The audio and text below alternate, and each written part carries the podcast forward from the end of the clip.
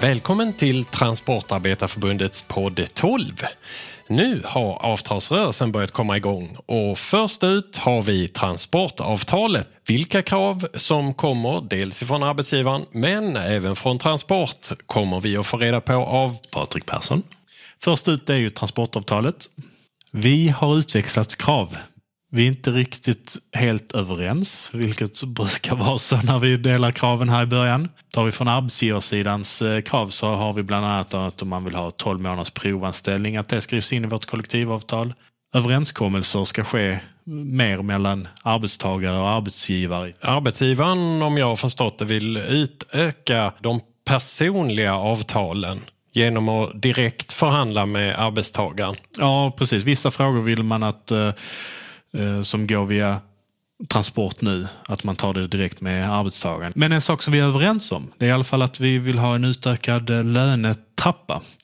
Eh, men jag tror att vi har lite skilda syner på hur den eh, trappan ska utvidgas. Men eh, båda parter är i alla fall överens om att lönetrappan bör förändras. Lönetrappan som finns i transportavtalet idag är väldigt små, små steg. Så man, vi, vi vill ju utvidga den för att premiera anställningstid och kompetens på företagen med lite längre steg och fler steg. Vad har Transport för krav? Vi som fackförening har bland annat dels de krav som vi har tillsammans med LO.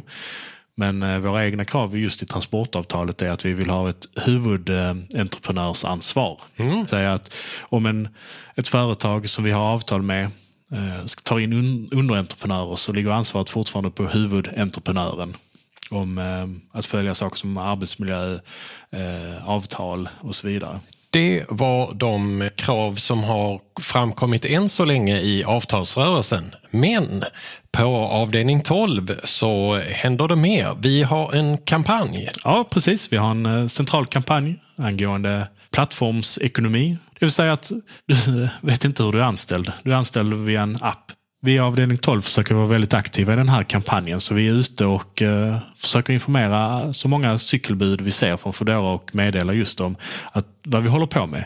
Att vi håller på att försöka teckna kollektivavtal centralt ifrån, att det finns ett eh, rabatterat medlemskap och informera om eh, vad det här innebär för de som jobbar som enskilda. Det Transport är ute efter är ju schyssta villkor. Ja, Även för eh, cykelbud. Precis. Vi vet ju att det inte är ett uh, heltidstjänst, att man ska försörja sig heltid på det. Men de som arbetar där under många pluggar till exempel uh, och uh, har den som extra inkomst. Och under tiden de arbetar där så ska det, företaget ta sitt ansvar som arbetsgivare och de som cyklar ska bli behandlade med värdighet.